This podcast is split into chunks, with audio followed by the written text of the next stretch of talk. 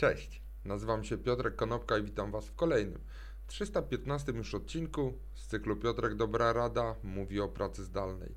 Dzisiaj powiem o siedmiu powodach, dla których warto rozważyć pracę zdalną z Malty. Malta to jest taka wyspa, tak naprawdę to są trzy wyspy leżące w Europie na Morzu Śródziemnym. Malta jest członkiem Unii Europejskiej, także wiele restrykcji czy ograniczeń dla e, krajów trzecich nas w ogóle nie dotyczy, ale Malta e, zaczęła właśnie zachęcać ludzi do tego, żeby przeprowadzili się tam i żeby pracowali jako cyfrowi nomadzi właśnie w modelu pracy zdalnej. Nie płacą co prawda już za pobyt, jak do niedawna e, zachęcano finansowo turystów do przyjeżdżania na Maltę, ale ten program się rozpoczął i teraz przeczytam Wam e, kilka wymagań, które muszą być spełnione przez e, mieszkańców krajów trzecich, żeby mieszkać na Malcie jako właśnie taki cyfrowy nomada. Trzeba mieć e, miesięczny dochód brutto 2700 euro. Oczywiście dokumenty podróżne powinny być e, prawidłowe, czyli paszport. Trzeba mieć ubezpieczenie zdrowotne, które obowiązuje na Malcie. Trzeba mieć klienta e, lub mieć pracę taką, żeby to była firma spoza Malty. Należy mieć umowę najmu bądź umowę zakupu nieruchomości w tym kraju. Być w pełni zaszczepionym, to jest dosyć istotne, ten punkt również poruszę. I y, koszt y, zaaplikowania to jest 300 y, euro. Ale powiedziałem o tym, że podam 7 powodów, dla których warto rozważyć Maltę. Przede wszystkim to ma, dostajemy w jednym kraju trzy wyspy, bo mamy oczywiście e, główną e, wyspę, e, na której się żyje. Są również też wyspy takie jak Gozo i drugą wyspą jest wyspa Comino.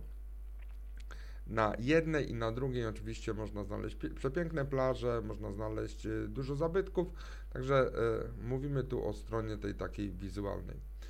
Drugim powodem, dla których warto tam przebywać, to jest to, że Malta posiada jeden z najwyższych, czy właściwie najwyższy w Europie wskaźnik zaszczepienia, bo 90% populacji w wieku od 18 roku życia w górę E, jest zaszczepionych 90%, a w całym społeczeństwie to mamy 80% zaszczepienia.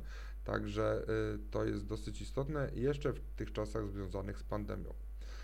Trzeci powód to jest po prostu pogoda, bo oczywiście e, zima nie będzie upalna, ale wiosna, jesień, no i oczywiście ta zima będzie też ciepła.